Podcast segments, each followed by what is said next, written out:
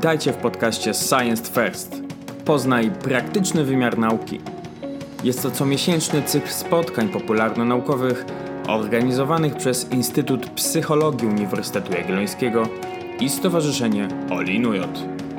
18 spotkanie przebiegło pod tematem coaching, narzędzie spełnienia czy pacyfikacji – Gośćmi doktora Samuela Nowaka i Tomasza Pytko była dr Diana Kusik z pracowni emocji i motywacji w Instytucie Psychologii Uniwersytetu Jagiellońskiego, autorka licznych artykułów z zakresu psychologii środowiska pracy i motywacji oraz dr Michał Mokrzan z Katedry Etnologii i Antropologii Kulturowej Uniwersytetu Wrocławskiego, autor książki Klasa, Kapitał i Coaching w dobie późnego kapitalizmu perswazja neoliberalnego urządzania.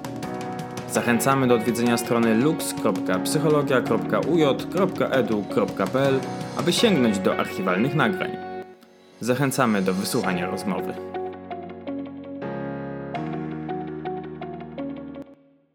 Jak to się stało, że zajęliście się tym tematem? Diana, ty jesteś nie tylko psychologą, nie tylko zajmujesz się motywacją i emocjami i środowiskiem pracy, ale sama, sama jesteś certyfikowaną coachinią lub certyfikowanym coachem. Okej, okay. to ja może zacznę od tego, że przede wszystkim jestem e, psychologiem organizacji i to jest taka moja podstawowa dyscyplina e, i obszar badań. I tak jak wspomniałeś, Samuel, ja zajmuję się e, emocjami, motywacją w kontekście pracy. I też właśnie z psychologią organizacji wiąże się moja przygoda z coachingiem, bowiem wiele, wiele lat temu dokładnie 15, wybrałam się na stypendium e, do belgijskiego miasteczka Leven, e, gdzie chodziłam na przeróżne kursy dotyczące psychologii organizacji. No i tam między innymi na takim kursie Theories of Lifelong Learning poznałam właśnie metodę coachingu jako jedną z wielu sprzyjających e, rozwojowi człowieka w organizacji. Tak? Czyli obok na przykład warsztatów, szkoleń, mentoringu, takiej metody jak Development Center, był prezentowany też coaching. I ten coaching właśnie wtedy mnie zainteresował od strony e, teoretycznej, bo dosyć dobrze był prowadzony ten kurs. Dodam, że były pokaźne, e, pokaźne materiały do opanowania, żeby go zaliczyć. E, więc ja się zetknęłam z coachingiem 15 lat temu jako jedną z metod prezentowanych na kursie Uczenie się dorosłych. No i później po przybyciu do Krakowa zaczęłam szukać w ogóle tego, co się dzieje w Polsce na temat coachingu i dotarłam do firmy, która organizowała mm, takie kursy wprowadzające, coś na zasadzie takiego e, sprawdź i zobacz, czy ci to pasuje. No i też ciekawe, bo e, to, to wprowadzenie e, wymagało ode mnie poświęcenia trochę energii, bo to spotkanie było w modlniczce. Więc um, dojechałam tam do tej modlniczki busem, znalazłam w końcu to miejsce, gdzie od, odbywało, odbywała się prezentacja tego, czym jest coaching. No i tak się zaczęło. Czyli 15 lat temu i później powiem Wam od razu, y, miałam y, smaka na to, żeby y, kształcić się w tym obszarze. W międzyczasie też zrobiłam kurs, szkołę tak zwaną trenerów, i równolegle e, robiłam kursy coachingowe, ale co ciekawe, nie odważyłam się chyba przez 10 lat prowadzić coachingów. Może jeszcze do tego wrócę. W każdym bądź razie to się, historia się ciągnie od 15 lat. To są pytania do Michała. Tak? Pytania do Michała. E, ja zajmuję się coachingiem od 2014 e, roku i nie zajmuję się coachingiem z perspektywy psychologa czy też coacha. E, u mnie to były pobudki czysto poznawcze, to znaczy jestem antropologiem społeczno-kulturowym i właściwie celem antropologii jest, jak to mówią tacy badacze, James Fernandez i Michael Herzfeld, odswajanie, tak, czy też problematyzowanie tego, co e, bliskie i e, familiaryzowanie tego, co e, dalekie.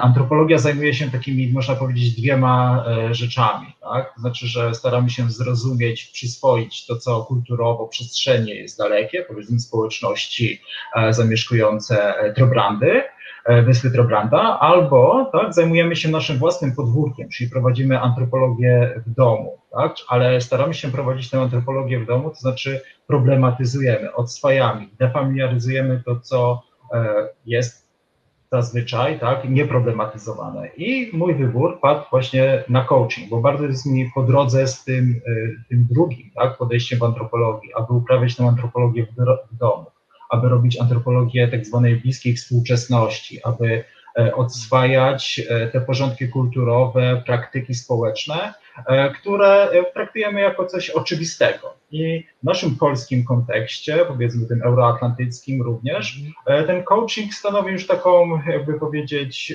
no, nieproblematyzowaną rzecz. Z perspektywy antropologii należy, tak, ja przynajmniej tak to rozumiem, no właśnie, podać wątpliwość, zastanowić się, czy też zrozumieć, tak, ale z perspektywy antropologicznej coaching jako zjawisko społeczne tak? Dlatego też e, moje zainteresowanie tym coachingiem wypływało właśnie tylko i wyłącznie, początkowo, tak? z tych pobudek czysto poznawczych, czysto naukowych. I jak już wspomniałem, ten, tym coachingiem, czy badaniem nad coachingiem, tak? bo to tak trzeba byłoby wyprecyzować, zajmuję się od 2014 roku.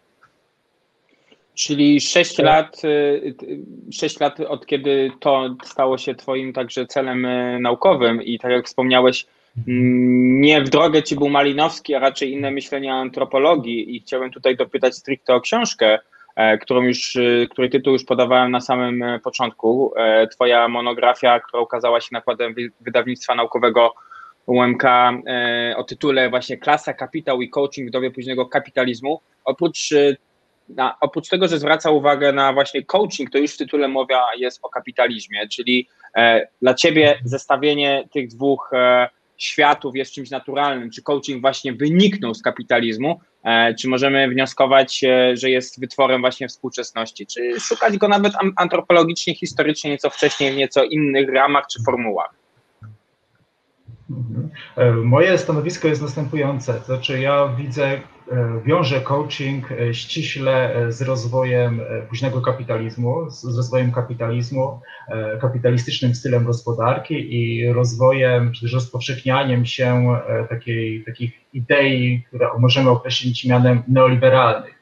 Natomiast y, wiem, słyszałem, doczytywałem również, że są takie poglądy doszukujące się źródeł coachingu, już na przykład starożytności, e, co niektórzy twierdzą, czy też poszukują tak, tych źródeł coachingu i wskazują na przykład na Sokratesa, e, na inne źródła. E, ja nie chcę tutaj polemizować z tymi opiniami, tak, bo mnie bardziej te opinie interesują jako przedmiot badań. Tak? Ja nie chcę wykazywać jak prawdy bądź fałszu, zawieszam te sądy i problematyzuję. Zastanawiam się, do czego służy tak, taka argumentacja, na przykład coachom. Dlaczego coachowie chcą i mówią o tym, że źródeł coachingu można doszukiwać się w starożytnej Grecji, na przykład w pracach Sokratesa. Moja perspektywa jest inna. Ja widzę rozwój coachingu, e, który jest związany jak najbardziej z rozwojem e, kapitalizmu, z postawami wolnorynkowymi, e, z, można powiedzieć, e, osiąganiem pewnej efektywności pracy. Po to można powiedzieć, też powstał coaching, aby dostarczyć tego typu narzędzia, tak, rozwoju osobistego, poprawy efektywności, elastyczności, przedsiębiorczości, odpowiedzialności pracownikom, tak, ale nie tylko im, ponieważ tym, że tak powiem, menadżerem samego siebie może się stać współcześnie E, również rodzic, e, partner, e, ktokolwiek. Więc odpowiadając tak krótko na to pytanie, ja wiążę coaching z rozwojem tak, kapitalizmu. Dzięki. Ja zapytam w takim razie e, Dianę. E, ty zajmujesz się psychologią, jednocześnie praktykujesz jako, jako certyfikowana trenerka. E, w wielu opracowaniach e, z zakresu nauk społecznych mówi się, że to jest ten moment psychologii, że psychologia jako taka nauka o olbrzymim, zwłaszcza społeczna, potencjale zastosowania właśnie wchodzi, e, wchodzi w swój taki złoty wiek. Pomijam jakby też olbrzymie aspiracje tej psychologii pod aspiracjami neuronauki. Natomiast no, pracujesz w dwóch przestrzeniach. E, z jednej strony badasz organizacje, które są właśnie wytworem i funkcjonują w tym, co okresie, który Michał, Michał nazywa późnym kapitalizmem. Oczywiście to jest pojęcie, które funkcjonuje w ogóle szerzej, szerzej rozumianej teorii krytycznej. Jak godzisz te dwie perspektywy? Zarówno badaczki, czyli tej, która przygląda się pewnym procesom z zewnątrz, próbuje je zrozumieć i opisać, a z drugiej strony kogoś, kto tę wiedzę aplikuje w ramach konkretnych organizacji, które służą takim, a e, nie innym celom. Są po prostu zazwyczaj dużymi przedsiębiorstwami albo organizacjami, które są skupione na realizacji e, pewnego celu. E, jak w tej podwójnej roli się odnajdujesz i czy, czy trudno jest się w tej sytuacji odnaleźć, bo jednak jesteś też przede wszystkim, wydaje się, że jesteś badaczką, a mhm. może, może nie. To ja podzielę się z Wami taką e, osobistą refleksją, e, którą e, miałam zaraz po, właściwie zaraz po napisaniu doktoratu, chwilę przed obroną. I byłam wtedy na warsztacie naukowym, to był taki letni warsztat naukowy, typowo z naukowcami. Tak? I wtedy właśnie do mnie dotarło, że ja nie jestem taka jak oni. To znaczy, że moja perspektywa nie jest tylko naukowa, badawcza, nie chodzi tylko o testowanie hipotez. I e, zrozumiałam też wtedy, bo ja już od razu na studiach podejmowałam jakieś działania związane z praktykami, stażami, właśnie z owymi certyfikacjami, ciągnęło mnie też w stronę zastosowań. I wówczas zrozumiałam na tym warsztacie, że ja tak naprawdę rozumiem problemy, które oni poruszają. Czyli pozostawanie w tych dwóch obszarach moim zdaniem jest atutem, bowiem e, mogę lepiej odnieść pewne problemy, czyli na przykład na czym polega motywacja pracowników i do czego ona jest potrzebna organizacjom. Ja pytam jako badacz, formułując hipotezy, ale ja potrafię odnieść to do sytuacji pracy. I w ten czas, właśnie w tym 2010 roku, ja zrozumiałam, że ja wcale nie stoję na, roz, e, na e, rozdrożu, dru, na rozdrożu i nie muszę iść ani jedną, ani drugą y, ścieżką, nie muszę wybierać, tylko mogę podążać dwiema. I to jest duży atut. I myślę sobie też z drugiej strony, występując niekiedy jako praktyk, jako konsultant na przykład organizacyjny, e, bo już teraz coraz rzadziej podpisuję się jako trener czy trenerka, to y, moje know-how, moja wiedza, czy moje umiejętności pozyskiwania tej wiedzy, które mam jako badaczka, też służą. Tak? Czy ja rozumiem konstrukty teoretyczne, ja umiem czytać wyniki, yy, wyniki badań, yy, ja mogę sięgnąć do yy, metaanaliz, żeby prześledzić na przykład większy zbiór badań i wyciągnąć jakieś wnioski. I powiem Wam, że to jest unikalne. I też sposób, w jaki ja uczę psychologii, czy między innymi psychologii organizacji, która jest już y, taką subdyscypliną o charakterze y, stosowanym, to jest właśnie to, żeby łączyć jedno i drugie, czyli żeby rozumieć kontekst, wnikać w kontekst i jednocześnie cały czas być na bieżąco z literaturą, z najnowszymi badaniami, bo to jest duży wyróżnik tych osób, które kończą, kończą studia i myślę, że zwłaszcza takie e, jak u nas, nie wiem jak jest, na, e, jak jest we Wrocławiu, ale my mamy studentów bardzo żywo zainteresowanych pozyskiwaniem wiedzy. Tak? Nie tylko studia dla samych studiów, tylko to, co mnie e, wciąż zadziwia, to jest to, że jest chęć czytania, prowadzenia dyskusji, poszerzania wiedzy. Więc mówię, to jest, to jest olbrzymi atut, również do wykorzystania w praktyce. Także ja polecam. Tak? Myślę, że Michał na pewno nie, nie zaprzeczy, że inaczej jest we Wrocławiu. E, wręcz przeciwnie, myślę, że, że jest również dumny ze swoich studentów, ale ja bym dopytał Dianę, wspomniałaś jak na spotkaniu na takim letniej szkole z psychologami poczułaś, że jesteś zupełnie inna jak oni, a czy poczułaś się bardziej podobna do coachów, które poznałaś na swojej drodze, czy też tą inność jakąś względem coachów odczułaś, a może jeszcze większą, e, bo, bo coach to jest zdecydowanie bardzo pojemne sformułowanie, e, sformułowanie, które wydaje mi się właśnie co innego może znaczyć dla kogoś po psychologii, a co innego dla kogoś, kto, kto po prostu chce zostać coachem i, i robi kurs.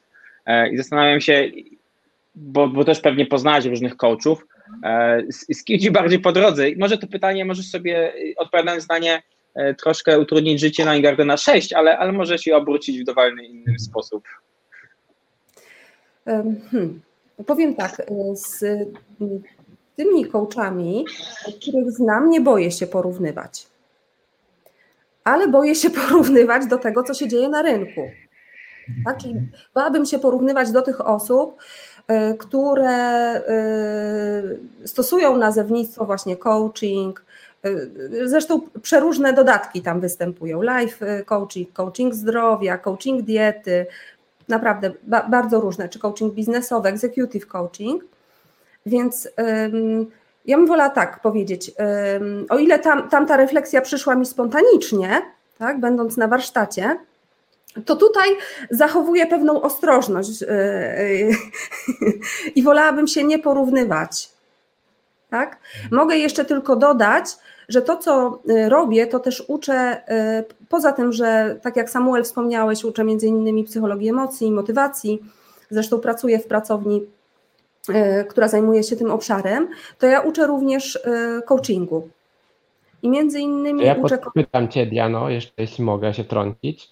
E, Proszę. No bo pytając o to, jakby taką Twoją dualność, zastanawiam się, i to pewnie Michał też będzie o ten temat do powiedzenia, na ile wtedy nie stajemy się producentami takiej wiedzy, która samo uzasadnia system, tak? No bo z jednej strony mamy te ambicje psychologii, E, która próbuje coś opisać. Z drugiej strony psychologia stosowana w rozumieniu, w ogóle jakby wiedza stosowana akademicka bywa, jej główną funkcją jest jednak raczej reprodukcja systemu w takim przypadku, niż na przykład jego problematyzowanie. I e, wiem, że książka Michała też jakby też tym, e, tym problemem się mierzy, też w paradoksalny sposób sam potem poddajesz się e, coachingowi, ale chciałbym Ciebie zapytać, czy e, z tej perspektywy e, nie boisz się, że może jednak coś, e, coś zatracisz właśnie też pracując jako, jako trenerka? Ja nie mam też odpowiedzi na to pytanie, to nie jest tak, że ja tutaj jakby cię osądzam, natomiast jestem, jestem ciekaw, bo wiem, że też twoja postawa wobec chociażby psychologii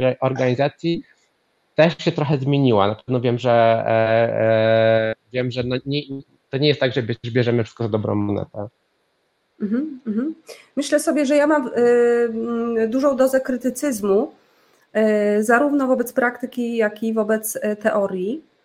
I też widzę, które na przykład, bo tak jak mówisz Samuel, czy, czy nie zatracamy i na przykład nie, nie odtwarzamy czegoś, nie powielamy, czy nie uzasadniamy tego swojego podejścia, to ja bym się tego w ogóle nie bała, wręcz przeciwnie. Czyli ja patrząc na badania naukowe, które są w obszarze psychologii organizacji, ja pytam, no i co z tego? Jak to przenieść na środowisko pracy? Tak? E, z kolei, e, będąc e, w roli praktyka, też pytam, no dobrze, skąd my mamy na to dowody, że dana praktyka działa? Tak? Czyli powiedziałabym, że pewne instrumenty poznawcze, jak krytycyzm, analiza, są tutaj pomocne. I nie mam, nie mam absolutnie obaw. Tak? Czyli jedno wspiera drugie, o ile jakby celem jest doprowadzenie do tego, żeby to były skuteczne, wiarygodne rozwiązania tak?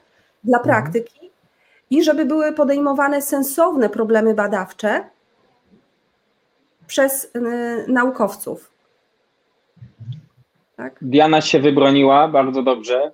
E, dziękujemy za odpowiedź na to pytanie. E, ja bym chciał zapytać się Michała o to, czy skoro mówimy o coachingu, mówimy o zjawisku, na które jest popyt. To znaczy, że to jest jakiś też biznes, w tym są pieniądze, e, nie jest to refundowane, więc trzeba po prostu z własnego portfela, z zarobionych pieniędzy sobie coś takiego sfinansować, albo firmy finansują swojej kadrze kierowniczej czy pracownikom, ale kto korzysta z coachingu? Kim jest ten klient?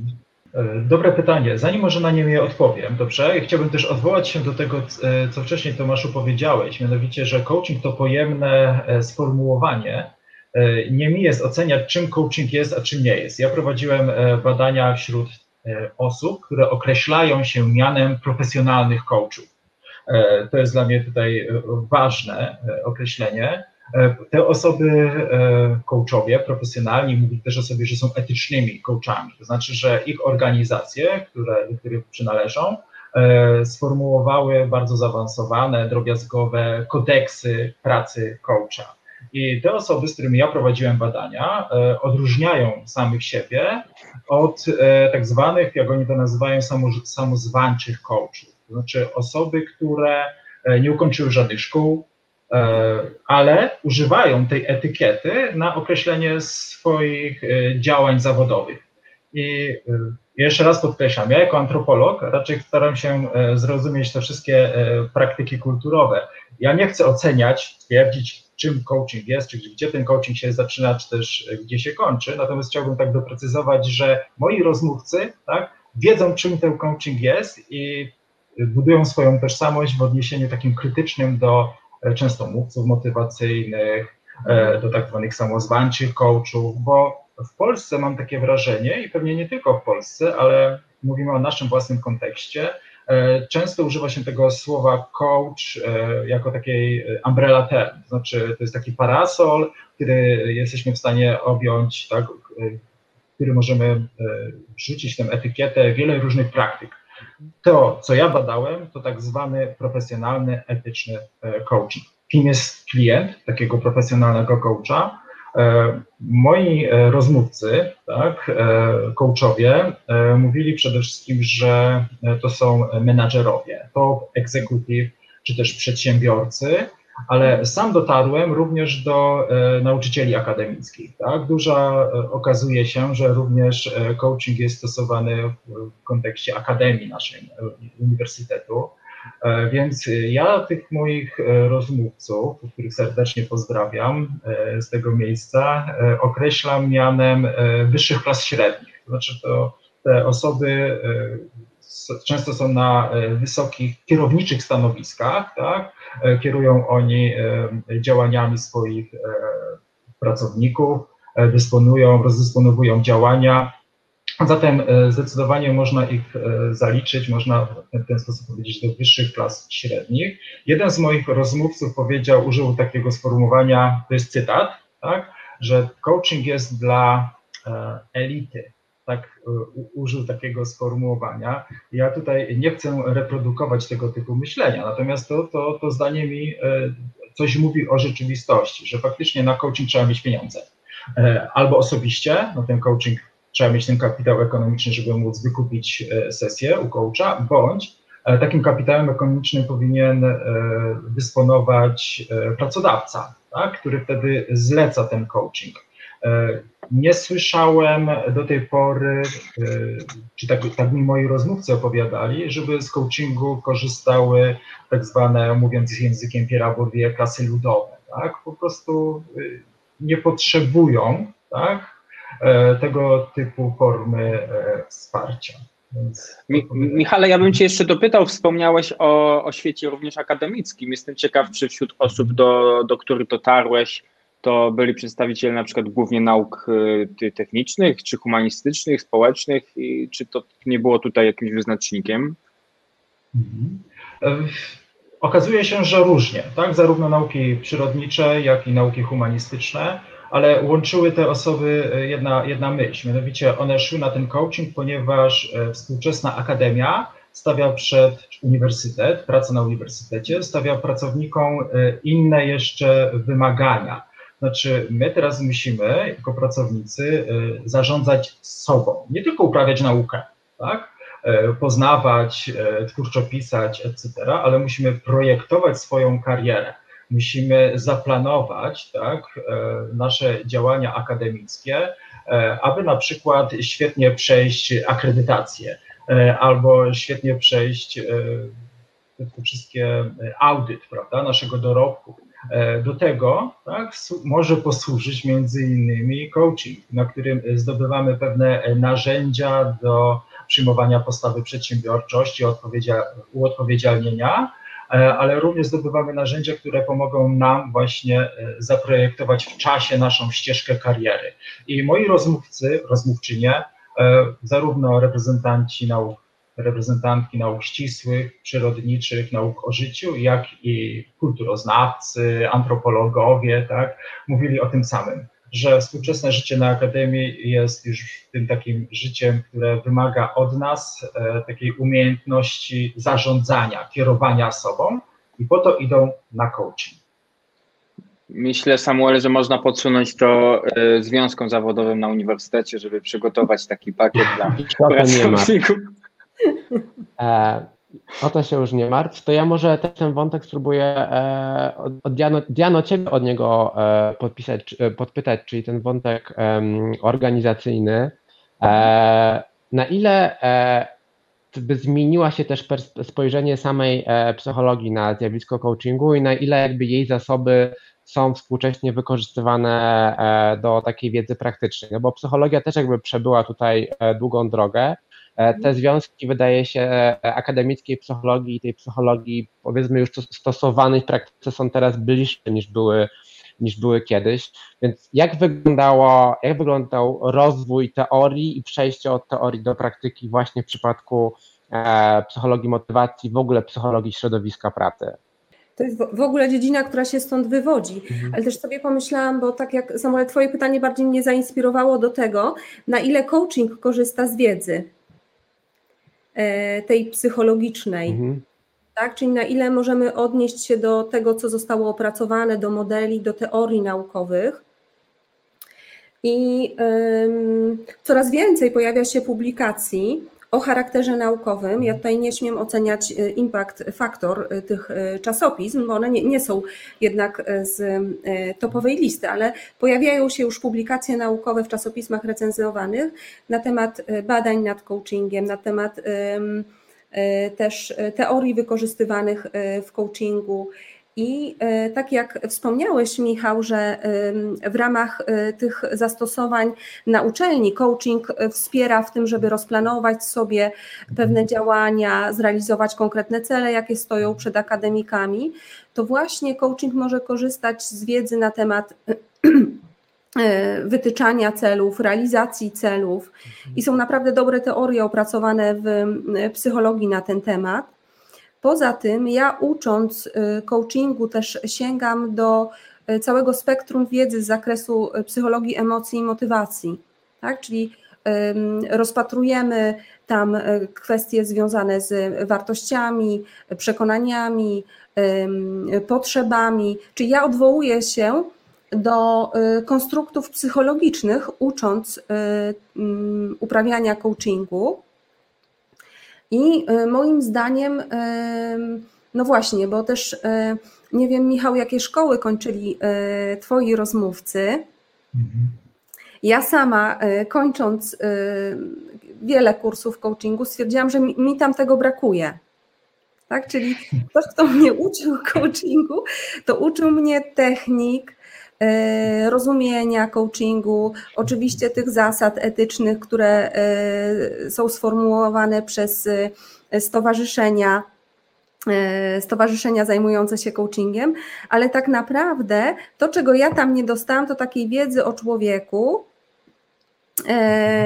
o jego motywacji, która pozwoliła. Ja mogę się tutaj wtrącić, bo to właśnie jest fajny wątek, bo żeby coaching w ogóle był możliwy, i zarówno jako pewna praktyka, i zarówno jako coś, co traktujemy jako pewną jakby rzecz już regularną, naturalną, to musi być jakaś koncepcja człowieka, tak? Czyli tego człowieka, który tak. to narzędzie wykorzystuje, potrafi je opisać, a całe te strategie wydają się po prostu mieć jakiś sens. To więc e, tak. jak na to patrzy psychologia? Jaka koncepcja podmiotu człowieka stoi e, e, stoi właśnie za tym, który jest zarówno jakby dostarczycielem tej, jest mentorem i tym, który z, e, z tych usług e, korzysta, czyli poddaje się temu mentoringowi. Potem do tego pytania wrócę jeszcze, e, do, wrócę do Michała z tym pytaniem, ale z trochę innej, innej perspektywy. Czyli jaka koncepcja człowieka jest w ogóle potrzebna i jest konieczna, żeby cały, cały ten dyskurs miał sens?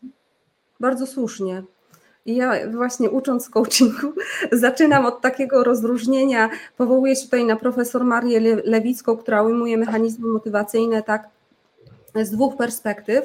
Człowiek e, w takim ujęciu mechanicystycznym, e, podporządkowany instynktom, tak? To, to są e, teorie, które kładą nacisk na kontrolę, na taką instynktowną naturę, i z kolei człowiek jako Bóg jako stwórca, czyli uwzględnianie wolności wyboru, sprawczości, poczucia kompetencji, samodzielności. To Michał, te wątki, o których Ty wspomniałeś, tutaj są bardzo silnie obecne. Czyli jeżeli wychodzimy z takiej perspektywy i to się pojawia z kolei w rozumieniu coachingu, że to klient, klient klientka coachingu są zasobni, tak? Oni mają wszelkie niezbędne zasoby do tego, żeby realizować swoje cele, a ktoś, kto prowadzi coaching, jest odpowiedzialny za proces, ale nie za podejmowanie wyborów, tak? Czyli widzenie człowieka jako wolnego, w dużej mierze świadomego, tak? odpowiedzialnego za swój własny los, e, też z takimi tendencjami e, trans, e, autotranscendencji do przekraczania siebie, tak? do przekraczania swoich własnych możliwości. Czyli człowiek jest widziany jako proces, a nie jako taki byt skończony. Mhm. No właśnie, i Michale, ty z kolei też, żeby próbujesz problematyzować tę rzeczywistość do jej interpretacji, czyli tego świata społecznego, w którym dyskurs coachingu funkcjonuje i ma się dobrze, e, używasz teorii, e, teorii urządzenia Michela Foucault, e, ale jednocześnie koniec końców jako badacz sam okazuje się nie potrafisz się, nie potrafisz stanąć obok, nie potrafisz się przyjrzeć temu zupełnie z zewnątrz, bo lądujesz, e, lądujesz u dostajesz swojego własnego e, mentora, już mentorkę, nie, nie, pamiętam w tym momencie, ale poddajesz się testom. Tak, ja poddaję się e, procesowi coachingowemu, tak, ostatecznie. E, może tak, odwołam się do tego, co Diana omówiłaś i zdecydowanie w coachingu, tak sądzę, promuje się takie rozumienie człowieka jako osoby, która jest w stanie kierować sama sobą. Tak? Znaczy, że ten człowiek klient, tak, e, można tak w ten sposób powiedzieć, e, jest w stanie e, pozbyć się takiej postawy bycia ofiarą, a tak, wychodzi z tego, tak często właśnie w podręcznikach coachingu się krytykuje tę postawę ofiary, ale jest ta osoba w stanie wziąć sprawy we własne ręce. Tak przynajmniej się pisze w podręcznikach coachingu o tym człowieku. Odwołując się do tego, co Samuel powiedział, czyli do teorii urządzania Michela Foucault, E, ja mogę powiedzieć, że taką e, ideą człowieka, która jest e, promowana w coachingu, to de facto homo economicus, człowiek ekonomiczny. To jest tak zwane przedsiębiorcze ja. Znaczy, coaching promuje wizję człowieka jako menadżera samego siebie, który będzie mógł w stanie tak, zdobyć pewne kompetencje, E, zdobyć pewne dyspozycje, które e, mu się e, mogą przydać do tego, aby móc lepiej, oczywiście z perspektywy późnego kapitalizmu lepiej, tak, czyli produkt, bardziej produktywnie, bardziej elastycznie, bardziej odpowiedzialnie działać w rzeczywistości społeczno-kulturowej. Tak? I w moim przekonaniu no, coaching promuje właśnie taką wizję człowieka, tego człowieka ekonomicznego. Znaczy, y, można powiedzieć, że nawet jak ja idę na life coaching, tak, to ja chcę być tak zwaną lepszą wersją samego siebie, być na przykład lepszym rodzicem. Ale co to znaczy być lepszym rodzicem? Znaczy, że ja chcę być menadżerem samego siebie. Znaczy, że ja chcę nawiązać z dzieckiem lepszą relację, chcę lepiej tak, ją e, ukształtować, chcę być bardziej przedsiębiorczy, być bardziej odpowiedzialny, E, aby tak, moja, moje, moja praca przynosiła jakąś korzyść, jakiś, jakiś profit, jakąś, właśnie jakiś zysk. E, I to odpowiadając na Twoje, Samuel, mam nadzieję, pytanie, tak, że, ten coaching promuje to przedsiębiorcze, odpowiedzialne ja. Natomiast e, ten drugi problem, tak, który tutaj podjąłeś, mianowicie pytasz mnie, czy ja sam skorzystałem z tego procesu coachingowego. Tak, skorzystałem z procesu coachingowego, byłem coachy, tak, czyli osobą coachowaną, e, no takie jest zadanie, które stoi przed antropologiem. Antropolog musi się, etnograf musi się zanurzyć w badanej rzeczywistości. I ja starałem się zrozumieć e, to zjawisko coachingu, przyjmując różne perspektywy. Znaczy z jednej strony uczestniczyłem w szkoleniach, w konferencjach, czyli wczuwałem się postać coacha, tak? E, poznawałem te wszystkie techniki, kodeksy etyczne, zacząłem mówić tym językiem, tak, wychodzić poza strefę komfortu, etc., etc.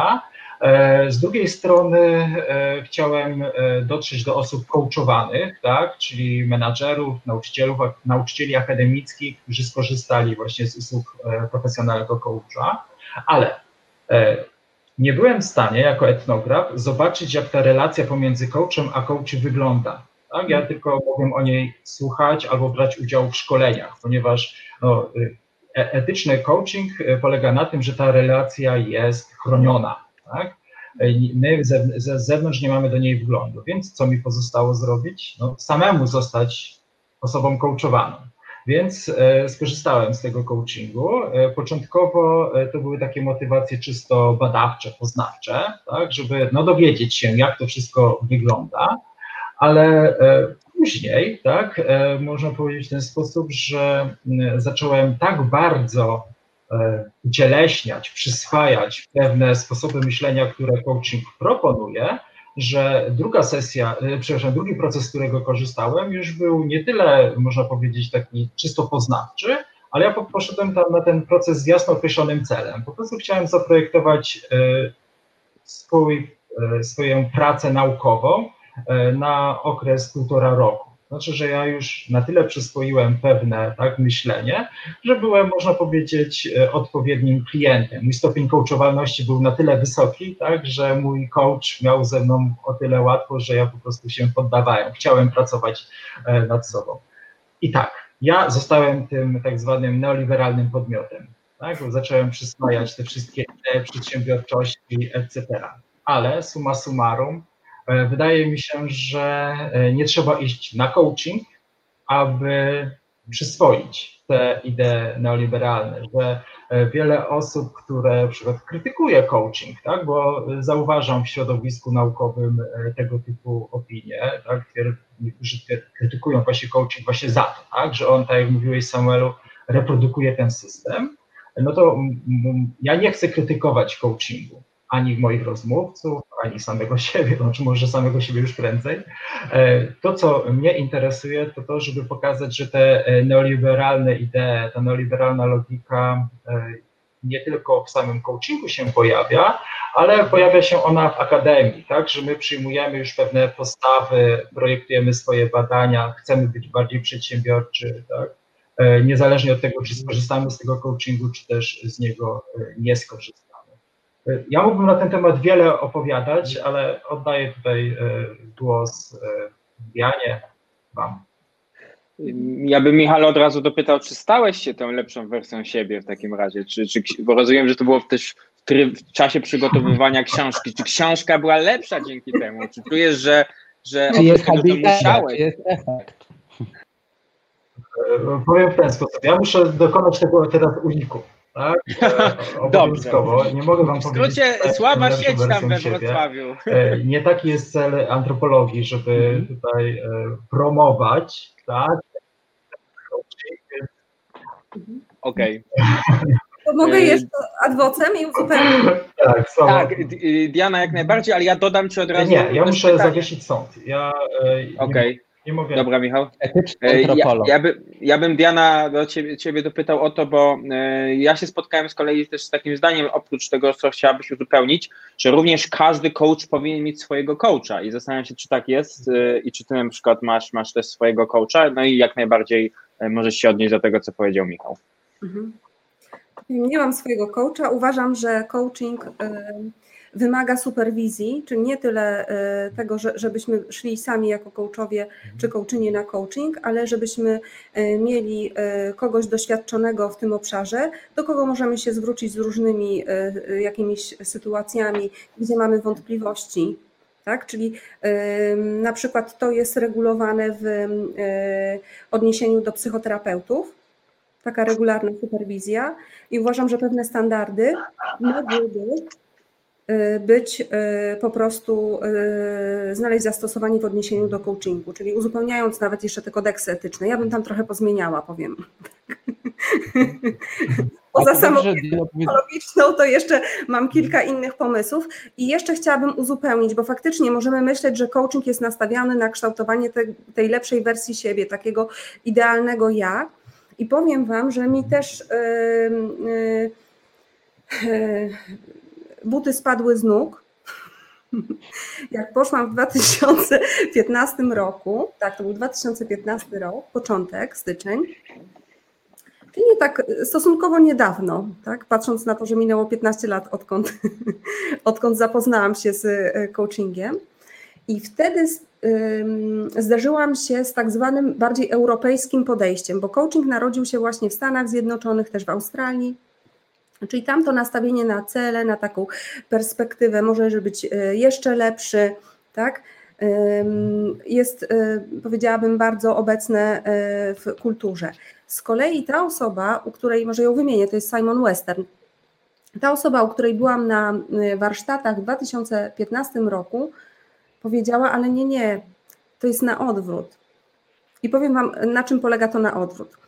Bo zazwyczaj, jak prowadzimy y, proces coachingowy, to na początku y, klient, klientka y, wyznacza cel, mówi, po co jest na tym coachingu, co chce osiągnąć. Nie wiem, Michał, czy ty też tak miałeś, że ktoś zadał ci. Tak, oczywiście, tak, tak, tak. Tak, tak. tak. No, a Simon powiedział. To jest pierwsze pytanie. Tak, a Simon powiedział: Nie, to jest na odwrót.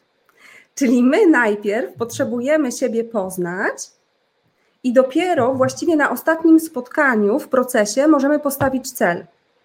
Bo wtedy ten cel jest wartościowy, jest spójny z nami, nie opiera się na tej wyidealizowanej wizji, tylko my przerabiamy siebie w tym procesie po to, żeby dojść do konkretnego celu i dzięki temu procesowi i dojściu do tego, co jest dla nas istotne, y, spójne z nami, y, zyskujemy motywację. I powiem Wam, y, ja nie mam coacha, ale kiedyś w ramach barteru robiłyśmy z koleżanką ze studiów coaching. I ona była właśnie takim, takim coachem, który używał. Ja nie używam pojęcia strefa komfortu. To od razu mówię. E, to była osoba, która używała i orientacja na cel miała 10 na 10 z wykrzyknikiem. Więc ja tam pracowałam, pamiętam wtedy nad e, e, nawiązaniem jakiejś współpracy międzynarodowej. To był mój cel na ten coaching. I myśmy tyle działań wymyśliły, tak, potencjalnych, które można zrobić. Znaczy ja wymyśliłam, tak, bo na tym polega coaching, że to klient czy klientka wymyślają te, te rozwiązania.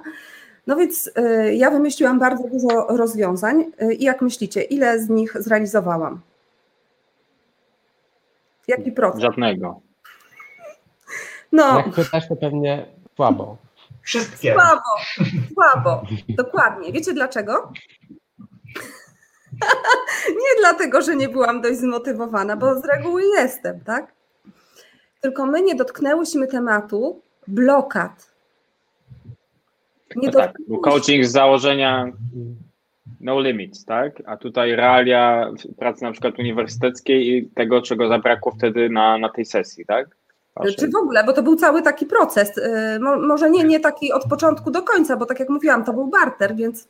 Ale ja muszę, ja muszę zadać pytanie, jak to był barter. A to nie wystarczyło umówić się z koleżankami z winem i zrobić burzę mózgów, jak, jak można u międzynarodowić? Myślę, że, że to byłoby bardzo kreatywne y, wtedy podejście i chętnie teraz z niego skorzystam.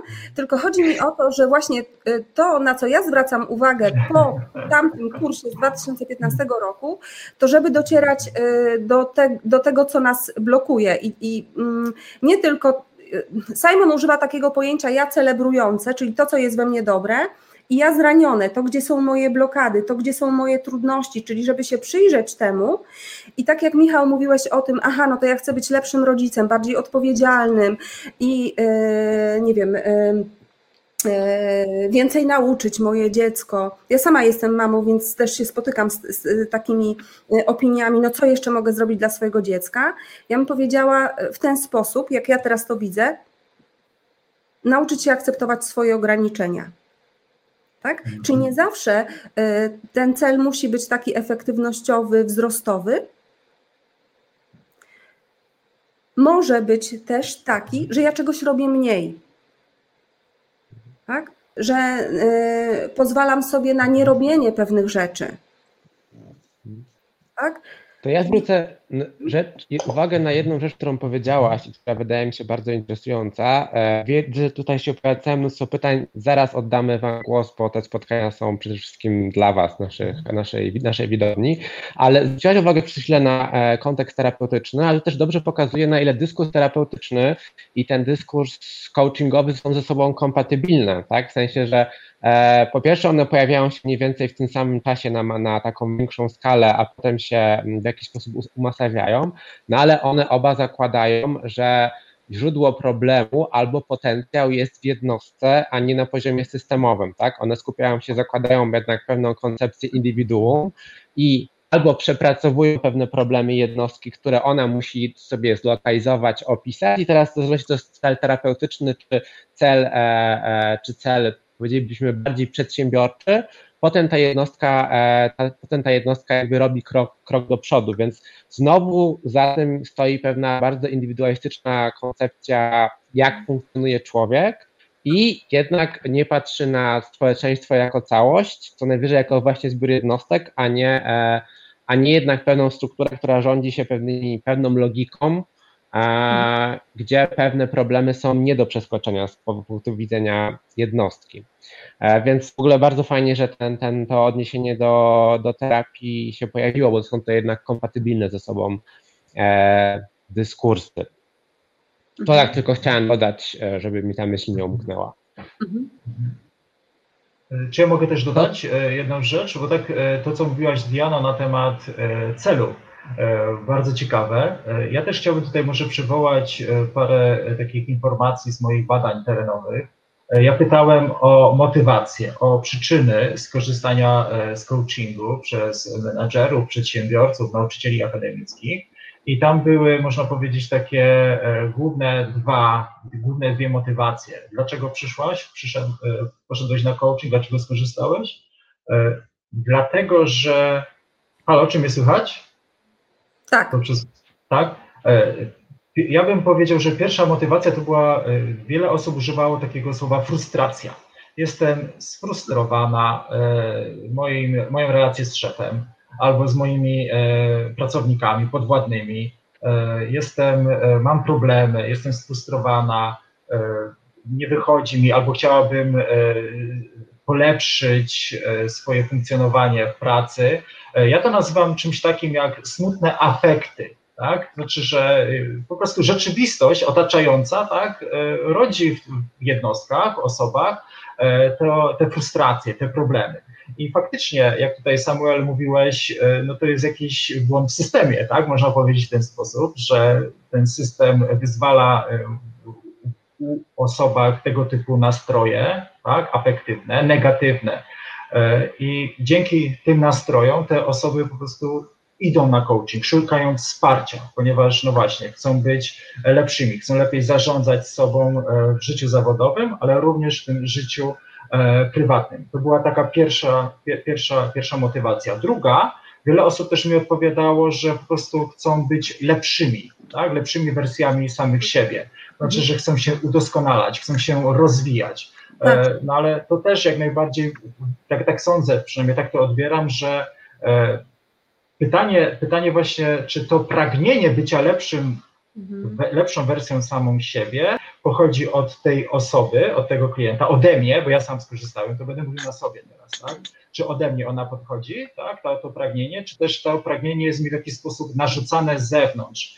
I moja odpowiedź, na własnej skórze tego doświadczyłem, że ja czuję, że to jest jednak narzucane z zewnątrz. Ja to określam mianem e, takich reżimów produktywności, elastyczności, e, przedsiębiorczości. Tak? Używam tego słowa reżim za Michelem Foucault, mówiąc o tych neoliberalnych reżimach produktywności.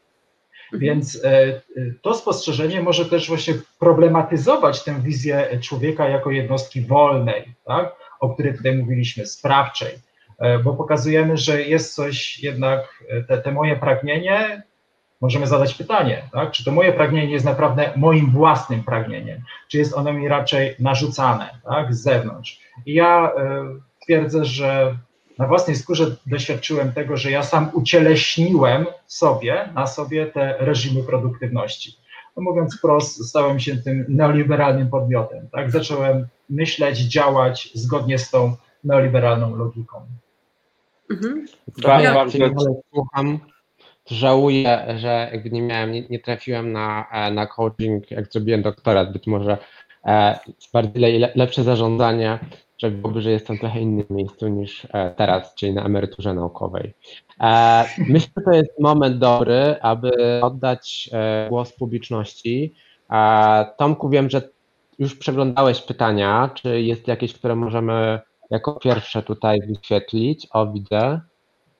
Dałem pierwsze jako pierwsze, więc pozwolę sobie też przeczytać. Jak odnieść life coaching, coaching duchowy, czy inne typy coachingu osobistego wobec tezy, że coaching wynika z późnego kapitalizmu. Rozwój osobisty jednak istniał w innych formach od starożytności. Troszkę do tego, Michał, się już odnosiłeś, ale możemy jeszcze pokrótce odpowiedzieć na to pytanie. Mhm. Rozwój osobisty istniał w innych formach od starożytności. Jak najbardziej, to, to jest e, oczywiste. I ja podążam tutaj myślą e, Michela Foucault, znaczy, że są pewne e, praktyki, które Michel Foucault określa mianem technik siebie, praktyk siebie, estetyk istnienia, on używa takich sformułowań, czyli pewnych e, działań, które zmierzają e, do tego, aby jednostka doskonaliła siebie. Tak? No i w starożytności spotykamy takie e, techniki, również spotykamy takie techniki w chrześcijaństwie, tak? ale ja bym powiedział, że te techniki, które zostały wypracowane przez starożytnych Greków, tak, tej tradycji helenistyczno-rzymskiej również tak można powiedzieć, to nie można ich określić mianem coachingu. Są to praktyki samorozwojowe, tak, ale e, jednak coaching pojawił się w określonym miejscu i czasie. E, jak dobrze pamiętam, e, rok 1992 bodajże, pierwsza szkoła coachingu została powołana, Coach University w Stanach Zjednoczonych, tak, i bodajże. E, więc to jest, było silne powiązane tak, e, z tym kontekstem kapitalistycznym. To znaczy zastanawiano się, w jaki sposób można e, wykorzystać te narzędzia produktywności w biznesie, tak? Jak można uczynić pracowników bardziej wydajnymi, jak można uczynić pracowników bardziej elastycznymi, produktywnymi, odpowiedzialnymi, tak żeby im się samym chciało pracować, cytując Fredrika Lordona, samemu im chciałoby się pracować na rzecz e, kapitalistycznej organizacji. Tak? Więc e, ja to tak widzę, że są oczywiście praktyki rozwoju osobistego w przyszłości, dostrzegamy ich istnienie, natomiast żeby nazywać te praktyki rozwoju osobistego mianem coachingu, to wydaje mi się, że nad tym trzeba byłoby się zastanowić, ja uważam, że raczej e, coaching to jest jakaś praktyka wynaleziona stosunkowo niedawno, nazwana mianem coachingu, mhm. która ma, ma swoje e, własne narzędzia, metody, teorie, etc. Ja chciałem powiedzieć, że pamiętam jednak, że starożytni, którzy praktykowali to, co właśnie Foucault określa na przykład technikami siebie, nie mieli żadnych zobowiązań wobec społeczności. Coaching jednak jest dość mocno połączone z ucieleśnieniem pewnego odpowiedzialności za siebie, które jednocześnie ma dowodzić wartości jednostki jako takiej. Także ona po prostu dokonuje wyborów i te wybory są właściwe. Jeżeli dokonuje złych wyborów, to ponosi konsekwencje. Przepraszam Tomku, wszedłem Ci w słowo. Y, chciałem, dziękuję za to uzupełnienie. Chciałem tylko powiedzieć, że mamy sporo pytań, więc może mhm. zostańmy przy jednej odpowiedzi jednej, jednej, jednego z prelegentów na, na pytanie. Kolejne będzie w takim zacznie od niego w takim razie Gaja, znaczy Diana, a pytanie jest od Gai. Panie Michale, Pani Diano, a do kogo kierowany jest coaching życia? Kto jest klientem? To jest pierwsze pytanie, a drugie, czy jest możliwe, aby metody i techniki były wprowadzone do edukacji powszechnej szkół publicznych i uczelni? No to powstrzymaliście mnie skutecznie przed dodaniem czegokolwiek do, do poprzedniego wątku i pozostańmy e, w kontekście tego pytania. E, ja nie wiem, co e, pani Gaja rozumie pod hasłem coaching życia, i dla mnie właśnie stosowanie tej terminologii. Ja jestem daleka od tego, czyli bardziej bym powiedziała, na jakie problemy odpowiada coaching, czy z jakimi problemami można się zwrócić do coacha. E, I to mogą być kwestie dotyczące życia osobistego, tak? W odróżnieniu od życia zawodowego, bo jednak nie kusi, żeby coś dodać do tego wątku, bo jednak e, jeżeli stosujemy coaching w organizacji, to osoba, której dedykowany jest coaching, ma pracować nad obszarem spójnym z jej celami zawodowymi, czyli na przykład z celami zespołu, jeżeli to jest menedżer, tak, czy lider zespołu, czy z celami całej organizacji, jeżeli to jest ktoś z y, już bardzo wysokiego poziomu zarządzania. Tak? Czyli to jest ukontekstowione i ściśle powiązane z tym, co jest istotne w konkretnej y, organizacji i powiedziałabym, od tego nie uciekniemy. Tak? To ma rację bytu. Jeżeli funkcjonujemy jako część organizacji, część tego systemu.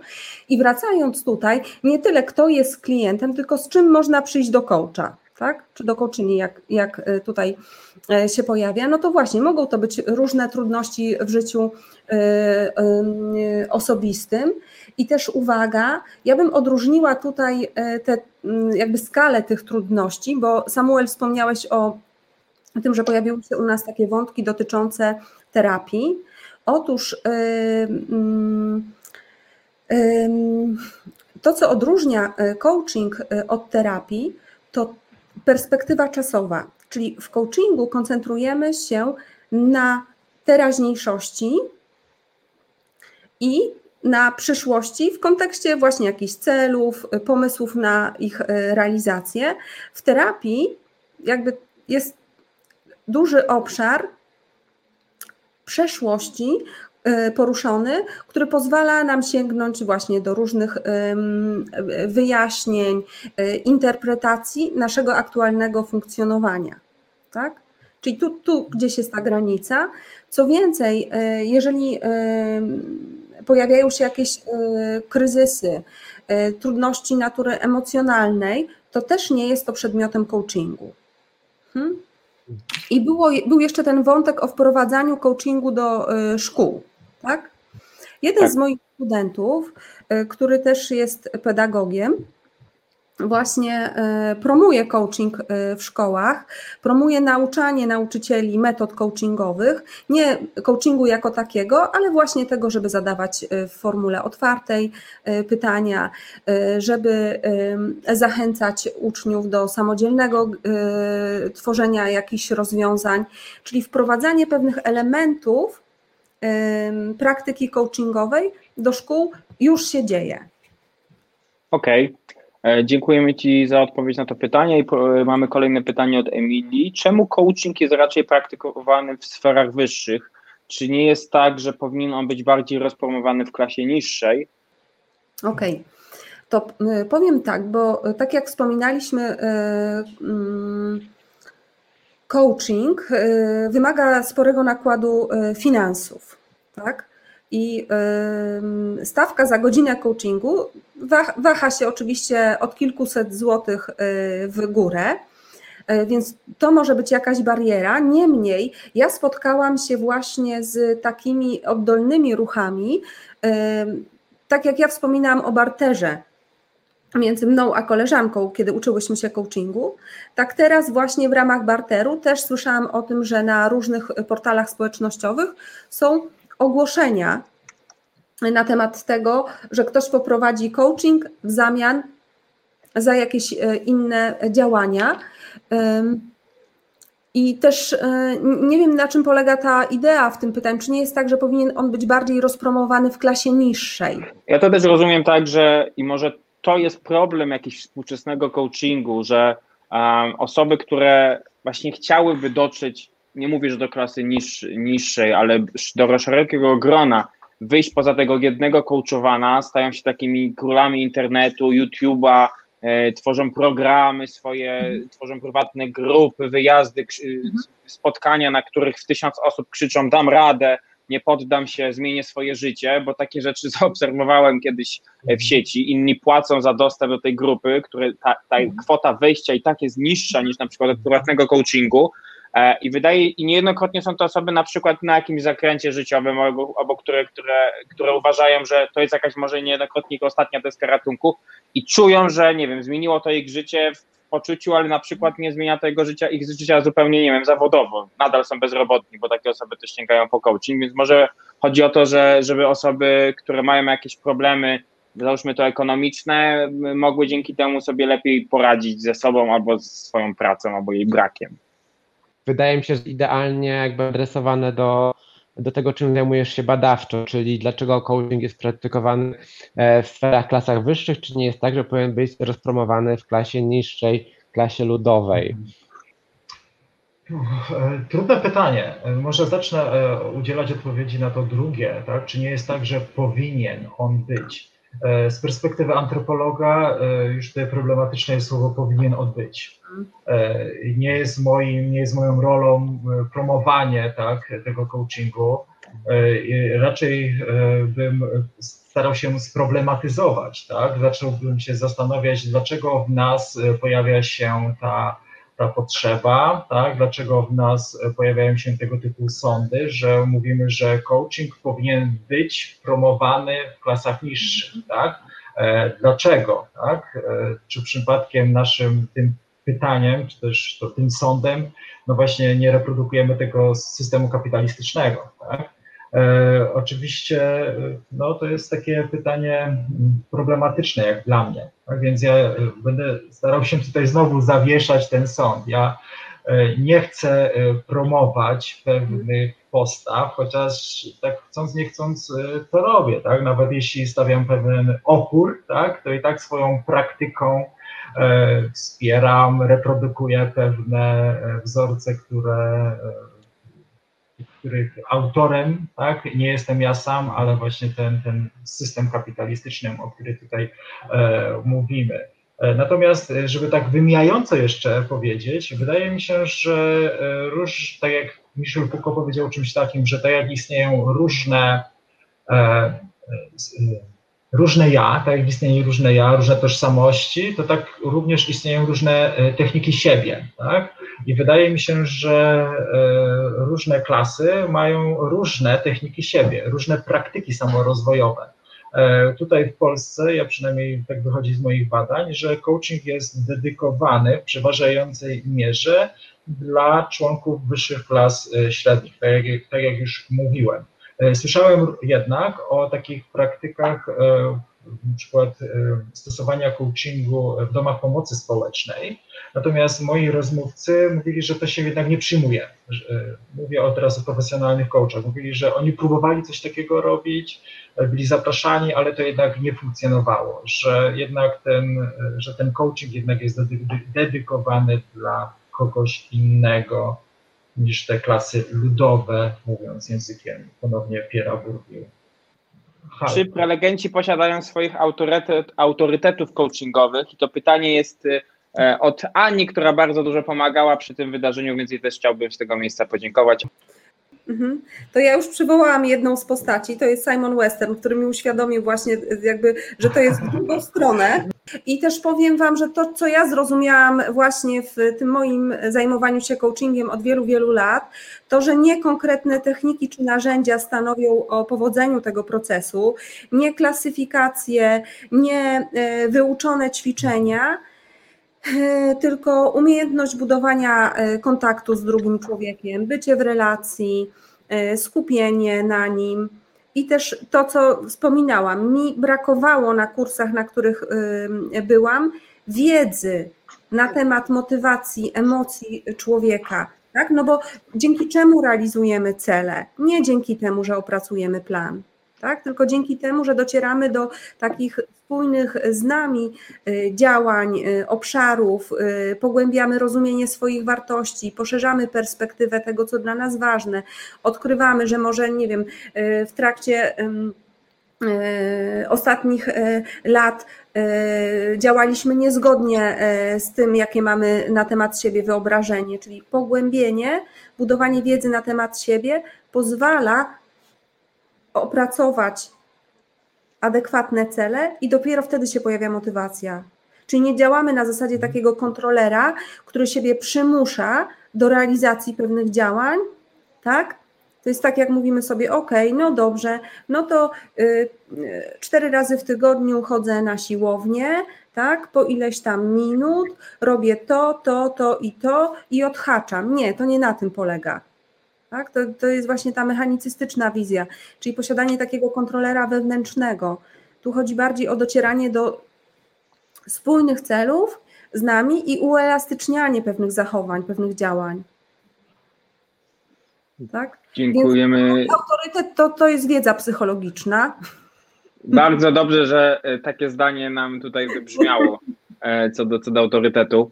Ale to od razu wykorzystamy ten fakt. E, jakbyś mógł nam powiedzieć, czy posiadasz jakiś autorytetów coachingowych? Podejrzewam, że nie, ale możesz powiedzieć o autorytetach ze swojej dziedziny. Może kogoś zainspirujesz? Już jak już powiedziałeś Tomaszu, nie, nie posiadam autorytetu coachingowego. Nie jest takie moje zadanie, aby promować tak, coachów E, zależy mi na tym, żeby być, zachować tutaj anonimowość moich rozmówców, tak, to właśnie czynię. E, na tym polega uprawianie antropologii. E, natomiast jeśli chodzi o autorytety, to ja mogę tutaj mówić o samej antropologii, tak, więc mhm. ja wiem, dlatego pytam. Wynieśmy coś interdyscyplinarnego z tego spotkania. To ja Twój autorytet, Michał, ja zapiszę. Autorytet antropologiczny. E, autorytet antropologiczny to zdecydowanie e, Steven Tyler. E, motto od Stevena Tylera znajduje się na książce, książce mojej, tak, Steven Tyler. Zdanie, które krótkie, treściwe, które pamiętam, brzmi następująco. Dyskurs krytyki jest już nierozerwalnie związany z tym, co krytykuje. I to zdanie jakby idealnie pasuje do mojego doświadczenia etnograficznego. Mówiąc o tym dyskursie krytyki, mam na, na myśli oczywiście nie tyle krytykanstwo, tak, tylko po prostu poznanie naukowe, te, te, teorię krytyczną, antropologię. E, czyli sama antropologia jest już nierozerwalnie związana z tym, co stara się zrozumieć, poznać. No i w moim przypadku to się idealnie sprawdziło, to znaczy e, ja, e, będąc antropologiem, zacząłem myśleć, tak, jak myślą moi rozmówcy, tak? zarówno e, profesjonalni coachowie, jak i e, osoby coachowane. E, no, polecam wszystkim pracę antropologa postmodernistycznego. Podobno jedyny antropolog postmodernistyczny Steven Tyler. To już przeszłość, tak? Steven, Steven, Tyler. Steven Tyler, dziękujemy, zanotowaliśmy. Mam pytanie, takie dopytanie, które było w czasie Twojej wypowiedzi, Diano więc jeszcze pozwolę sobie zadać to pytanie. To było a propos blokady, że zwrócenie uwagi przez panią Krystynę, że to jest punkt i w momencie zderzenia się z blokadą kończy się coaching, a zaczyna się psychoterapia. Czy się z tym zgodzisz? I ja może dodam, e, bo zwróciłem uwagę, że zarówno ty, jak i Michał mówiliście e, klient. Czy w coachingu, e, nie, czy kiedykolwiek spotkałaś się z mówieniem o pacjencie, czy to jest właśnie było największe E, nagięcie tej, tej, tej zasady coachingowej albo wręcz no, schematu coachingowego. Mhm. Nie wiem, jaki jest schemat, ja w ogóle jestem daleka od schematów. E, wracając, nie spotkałam się z tym, żeby e, nazywać odbiorcę coachingu pacjentem. Zresztą też w niektórych podejściach terapeutycznych, na przykład w terapii skoncentrowanej na klienta, E, też e, używa się słowa e, klient, nie pacjent, tak? czyli to Rogersowskie ujęcie. I powiedziałabym tak, ta granica między psychoterapią a coachingiem jest, tak jak wspominałam, w odniesieniu do tego, jakim obszarem się zajmujemy, czy teraźniejszością, czy przeszłością. Tak? Jeżeli sięgamy do źródeł blokad w przeszłości, odległej przeszłości, czyli na przykład, nie wiem, w dzieciństwie, w okresie dorastania, no i stosujemy, e, powiedziałabym, e, techniki e, pracy terapeutycznej, to to jest terapia. Ale jeżeli na przykład mówimy o tym, no to się blokuje przed tym, żeby regularnie uprawiać na przykład sport, no i z reguły się pojawia, aha, no mam za mało czasu, tak? I, i to są takie fasadowe powiedziałabym, odpowiedzi, czyli łatwiej jest powiedzieć, nie mam czasu, jestem zbyt zajęty, i docieramy do tego, że na przykład źródłem, e, jakby te, tym celem nie jest wcale poprawa aktywności fizycznej, tylko chodzi o coś innego. Czyli my nie pogłębiamy tych blokad e, w odniesieniu do przeszłości, tylko mhm. patrzymy na teraźniejszość, nieodległą e, przeszłość. Tak? Tutaj jest granica. I ja nie mam wątpliwości, coachowie nie, nie zrobią terapii jest w ogóle niemożliwe, tak?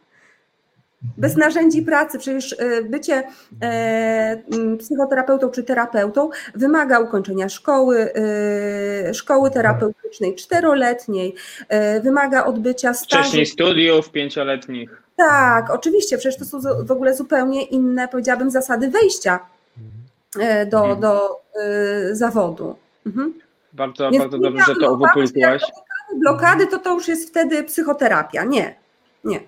Słusznie, dziękuję za tę odpowiedź. Ja jeszcze krótko chciał odnieść się tego, co e, powiedział Michał, bo zostawił nas taką fatalistyczną perspektywą E, niemożności ucieczki z systemu, e, którego nie, ma, którego nie, nie można spojrzeć z zewnątrz. To rzeczywiście jest jedno z takich ważniejszych wkładów e, w ogóle szeroko rozumianego postmodernizmu do humanistyki nauk społecznych, ale z drugiej strony perspektywa, którą reprezentujesz, jednak kontynuuje mocno perspektywę teorii, czy też tej pierwszej generacji drugiej teorii krytycznej, mhm. która z kolei niesie obietnicę emancypacji więc e, teoria, która wychodzi jednak ma na sztandarach jakąś zmianę społeczną, która potem dochodzi do wniosku, e, że po prostu nie można stanąć obok systemu i go sproblematyzować, bo jest to już w jego wpisane, no wydaje się łamać własną obietnicę, ale być może po prostu postmodernizm jako pewien modus operandi teorii jest tak naprawdę naukową formą neoliberalizmu, ponieważ zakłada właśnie tą pewną jednostkowość, więc być może problem jest w teorii,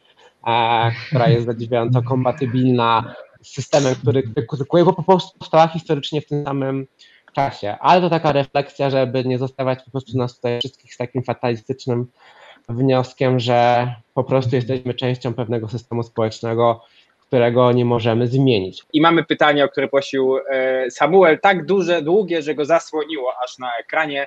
E, Samuelu. E, pyta Lucja Tubalska-Dmytrów, Homo economicus chce wszystko optymalizować, wypiera, ale nie wyprze homo ludens, nie w naszym kręgu kulturowym. Czy nie sądzicie, że nie bez kozery pojawia się określenie coaching stretching? Czy według Was nie jesteśmy przetrenowani w samorozwoju? Coaching jest mi blisko zawodowy, ale żadna koncepcja rozwojowa nie zmotywowała mnie osobiście, a przez to i zawodowo do tej pory bardziej niż mój stary, ślepy, choć żywotny pies adaptowany ze schroniska na wielu poziomach. I dalej się e, urywa, ale myślę, że sens e, pytania pozostaje, czy nie jesteśmy przetrenowani w, samo, e, w samorozwoju. Mhm. Czy mogę? Albo Diano, proszę bardzo. Proszę, proszę. Ja zacznę od końca, bo ja chciałabym się dowiedzieć, co takiego było, czy jest w tej relacji ze starym adoptowanym psem, co pozwoliło właśnie na rozwój, tak? na motywację. Tak? I y, tylko domniemuję, że, że coś takiego jest w relacji, że, że ta osoba, pani Lucyna, jak, zbudowała jakąś, nie wiem, perspektywę siebie nową, tak? coś dostrzegła, zobaczyła. I moim zdaniem na tym polega rozwój i coaching. I zgadzam się z tym, że może być dużo, y, y powiedziałabym, y, coaching jest jakąś formą, jakimś takim naczyniem, w którym mogą znaleźć się bardzo różne rzeczy on często jest traktowany jako, tak jak mówiłeś, umbrella term, jako pewna e, taka zbitka pojęciowa i niekoniecznie to, co otrzymujemy tam pod spodem, jest tym, czego byśmy tak naprawdę oczekiwali. I tak jak ja wspominałam o swoich doświadczeniach pracy z e, coachynią e, mega silnie zorientowaną na cel, więc ten mój coaching też wyglądał inaczej niż jak na przykład zwracam się do kogoś innego, kto ma bardziej, powiedziałabym, rozumiejące podejście, nie przetak na rezultat, słucha, um, używa, powiedziałabym, prostych zabiegów komunikacyjnych, czyli na przykład parafrazy, echa, tak? że, że pozwala to usłyszeć siebie. Czyli to nie sama metoda jest jako taka, e, powiedziałabym,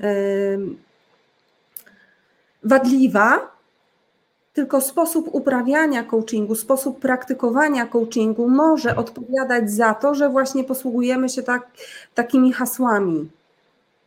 Mhm. Tak? Trzeba zapytać, y, co, co tam się pod tym kryje, co to jest. I jestem naprawdę ciekawa, więc jak jest jeszcze z nami pani Lucyna, to niech napisze, co, co jest mhm. takiego w tej relacji z psem, że ją tak to rozwija. Mhm. Michał, oddaję głos. E, dziękuję. E, mnie tutaj interesuje to, e, cytuję, coaching srouching.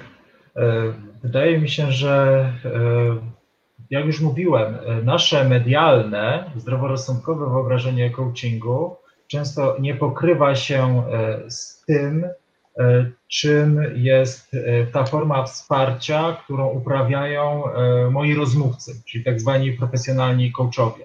Wydaje mi się, że w tym medialnym i takim właśnie świecie zdroworozsądkowym funkcjonuje no właśnie, coaching jako nazwa, którą można przypiąć do każdej praktyki rozwoju osobistego. I moi rozmówcy bardzo ubolewali, bardzo ubolewali, niektórzy mówili, złościli się bardzo, na fakt, że y, do mediów zapraszani są specjaliści, którzy mają mówić na temat coachingu, ale nie skończyli żadnych szkół, nie są tymi profesjonalnymi coachami. E, są za to umówcami motywacyjnymi, tak, szkoleniowcami. I e, te organizacje, z którymi, e, członkowie tych organizacji, z którymi rozmawiałem, właśnie bardzo ubolewali nad tym. I twierdzili, że to złe wyobrażenie coachingu, to coaching srouching, tak, mhm. o, który, o, którym pani Lucyna pisze, właśnie się bierze, tak, że tych profesjonalnych coachów de facto nie ma w tych mediach że oni wolą, i też moi rozmówcy właśnie to mówią, że oni wolą pracować jeden na jeden albo w organizacji, e, być na uboczu, robią swoją robotę, która jest metodyczna, oparta na e, kodeksach etycznych, natomiast e, do, med, do mediów tak, są zapraszani przede wszystkim osoby, które no, z tym coachingiem profesjonalnym nie mają nic wspólnego.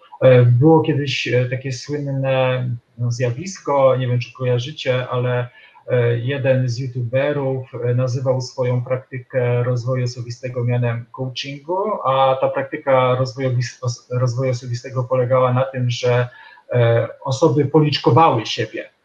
Tak? I tak, w imię właśnie tego rozwoju było coś takiego i no moi rozmówcy twierdzą, że no to nie jest coaching. Słuchajcie, tak? Nie można właśnie przypinać tak, tej etykiety do tego, co my naprawdę uprawiamy. I wiele organizacji e, takie otwarte listy sprzeciwiające się właśnie te, tak, e, te, tego typu dyskursowi tak, wystosowała.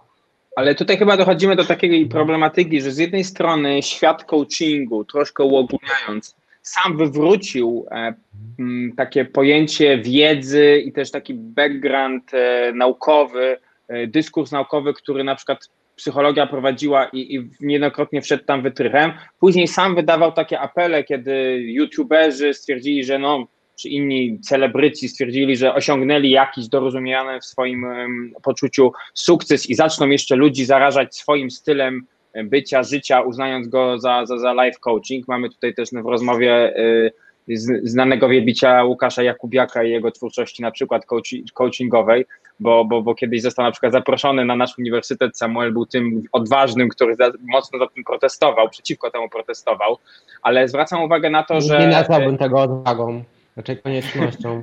koniecznością i przyzwoitością, ale jest pytanie e, z publiczności, do którego właśnie nawiązuję, bo um, Dobry wieczór. Ja chciałabym zapytać, czy kariera prawdziwego coacha wymaga ukończenia studiów psychologicznych? Czy można traktować coaching jako odrębny od psychologii? I to pytanie y, chciałem na początku przede wszystkim skierować do, do Diany. Czy w Twoim odczuciu osoby, która jest ukształtowana i wykształcona przede wszystkim jako psycholożka, y, uważasz, że, bo poznałaś na pewno na Twojej drodze coachów, którzy nie mieli tych studiów, czy lepszy coach to jest coach po psychologii, czy lepszy coach nie musi mieć tych studiów, ale potrzebuje, nie wiem, innej cechy, wiedzy albo czegoś, o czym jesteś w stanie nam powiedzieć. Tak, aż się poruszyłam tutaj na, na krześle. Ważne, bardzo ważne pytanie i dziękuję serdecznie za nie. Więc e, formalnie nie trzeba kończyć studiów psychologicznych, e, żeby być e, coachem. Ci profesjonaliści, do których ty się odwoływałeś, Michał, to właśnie, tak jak wspominałeś, były osoby kończące kursy, szkoły coachingu i to w zupełności wystarczy, plus tam spełnienie wymagań stawianych przez te szkoły, czy na przykład stowarzyszenia wymagają praktyki coachingowej. Powiem tak, ja uczę, e, na, uczę coachingu zarówno osoby, które kończą studia psychologiczne, jak i na innym kierunku, na kierunku socjologia. I e, jestem też świeżo po zajęciach, bo prowadzę zajęcia wieczorami w środy z psychologii coachingu, więc nawet od razu Wam powiem, że moi studenci mówią, że często muszą się powstrzymywać przed tym, żeby właśnie e, nie wykorzystywać swojej wiedzy tego, czego się nauczyli na psychologii, jeśli chodzi o pewne umiejętności i techniki, że tu się trzeba wręcz powstrzymać. I ja powiedziałabym tak, ja nie mam oporu przed wiedzą, więc ja zachęcam do pogłębiania wiedzy y, psychologicznej, ale też zawieszenia jej w kontakcie z drugim człowiekiem. My nie posługujemy się tą wiedzą, my nie występujemy z pozycji osoby, która wie lepiej, która y, doradza, która jest ekspertem. To jest pozycja równorzędna, partnerska, tak?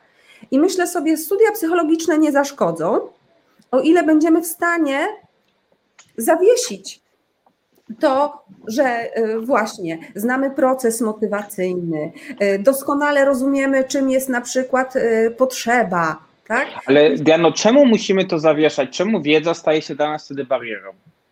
Nie tyle staje się dla nas barierą, co nie wykorzystujemy jej w rozmowie z naszymi klientami i klientkami.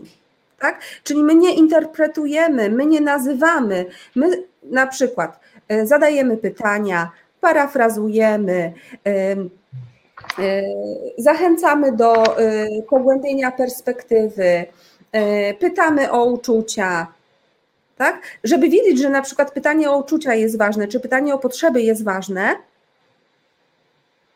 tak? To potrzebne nam jest rozumienie y, człowieka, wiedzy z zakresu psychologii emocji, motywacji, tak?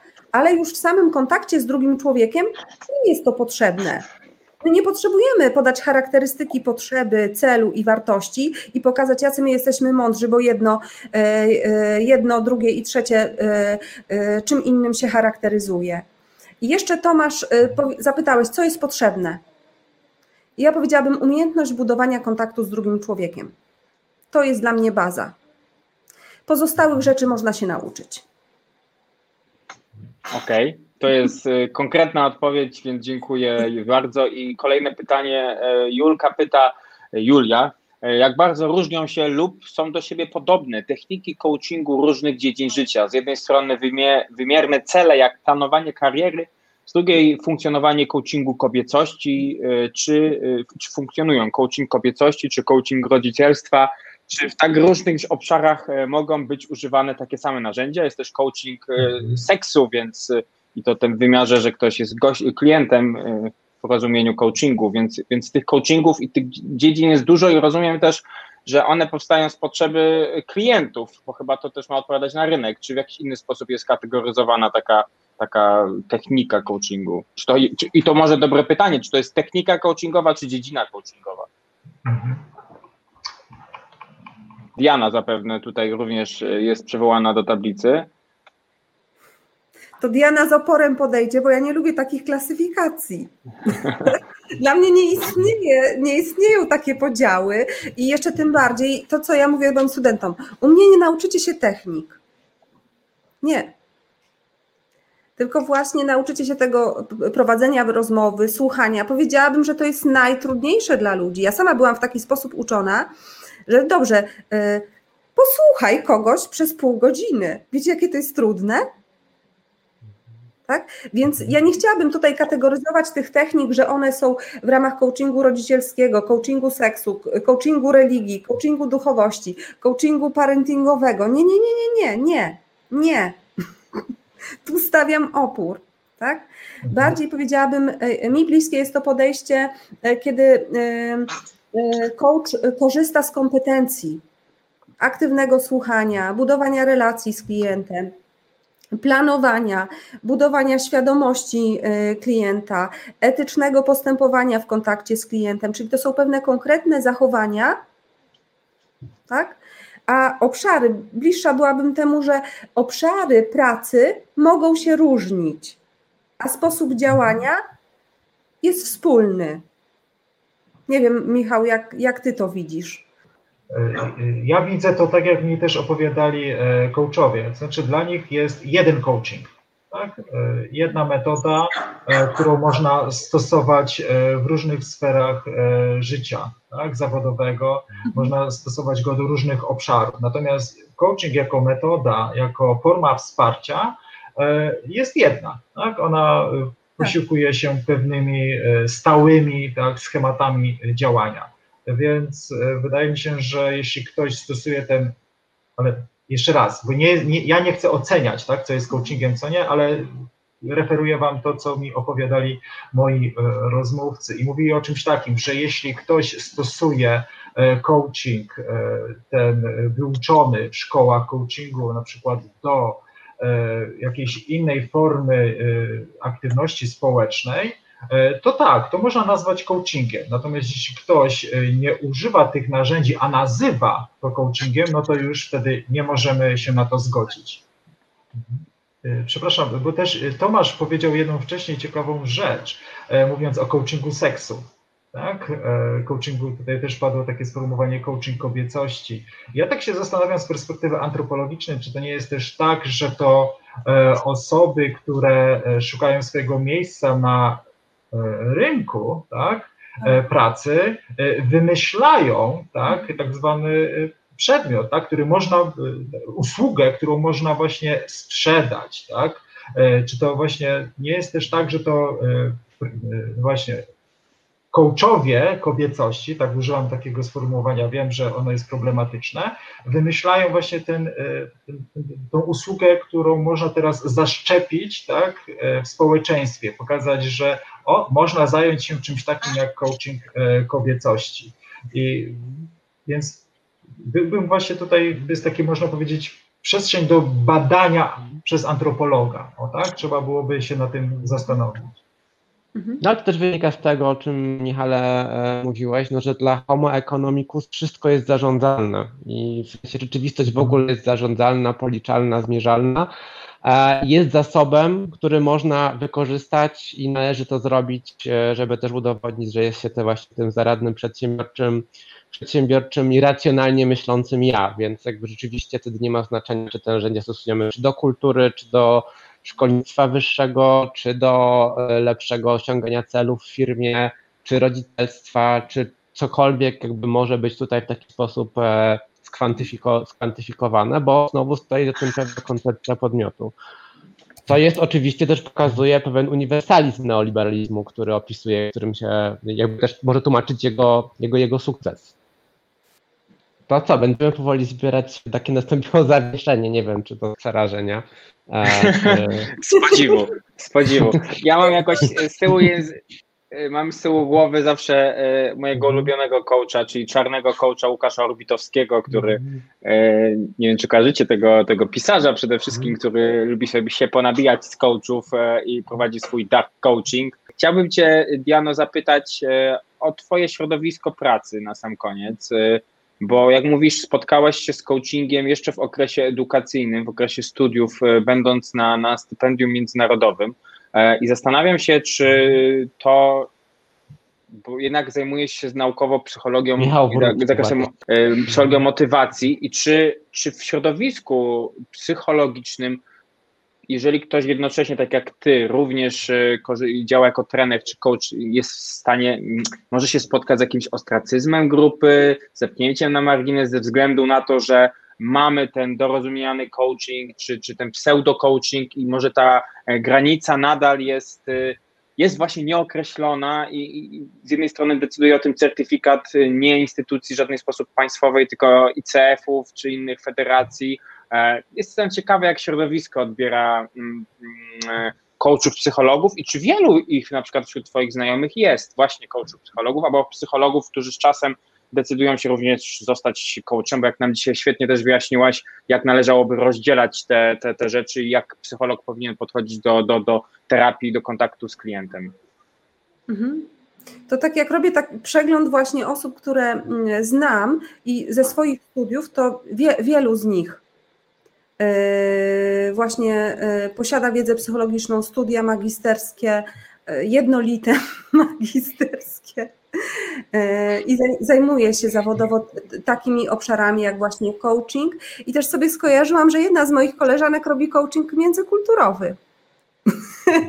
Ale to jest specyfika, tak jak jeszcze w nawiązaniu do poprzedniego wątku, to jest specyfika obszaru, w którym ona działa, a nie e, metody. Więc ja nie, nie widzę tutaj jakiegoś problemu z tym, że właśnie jest jakiś ostracyzm, to, to, że posiadamy wiedzę, czy nie.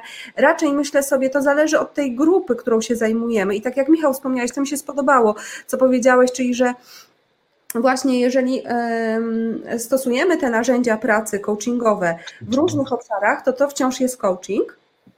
Ale jeśli mówimy, że robimy coaching, ale nie stosujemy tych narzędzi, to to już nie jest coachingiem.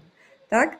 Więc e, te osoby, które mają taką świadomość, robią to rozróżnienie, to często właśnie myślę sobie tak, y, one kończą szkoły, mają studia właśnie z zakresu tej wiedzy o człowieku czy o społeczeństwie, bo tak jak wspominam, ja uczę też coachingu na studiach socjologicznych, na kierunku socjologia. I, i, i nie spotykam się właśnie z czymś takim, że, że wiedza szkodzi. Wręcz przeciwnie, ale to może jest specyfika tych osób, wśród których ja się obracam. Zależy jaka wiedza. Zweryfikowana wielokrotnie systematycznymi replikacjami. Słuchajcie, myślę, że to jest piękna, piękna puenta. Weryfikujmy wiedzę, e, weryfikujmy ją także w dyskusji, w debacie, tak jak dzisiaj to miało miejsce. E, nie odpowiedzieliśmy sobie chyba na pytanie, czym jest ten coaching, jeśli chodzi o nasz tytuł, bo dostajemy komentarz chyba na koniec po rozmowie czuję, że to ani narzędzie spełnienia czy e, pacyfikacji, ale narzędzie do realizacji społecznego, bycia człowiekiem w świecie. Realizacja realizacją, która dodatkowo nam pomaga. Niech każdy wyciągnie z tej dyskusji, co, co dla niego cenne i ważne. Ja odpowiadając także na to, co pojawiło się w komentarzach, informuję to, co mówiliśmy też na początku, że to nagranie zostaje, więc jeżeli uważacie, że były w niej wartościowe treści, to podajcie je dalej, udostępnijcie, żeby w sieci można było z niego skorzystać. Jest na YouTube, jest na Facebooku i pojawi się również z niego podcast. Bardzo dziękujemy. Doktor Michał Mokrzan z Uniwersytetu Wrocławskiego był naszym gościem. Dziękuję bardzo za uwagę. Bardzo przepraszam. To prawdziwy postmodernizm, nieciągły podmiot, który pojawia się i znika.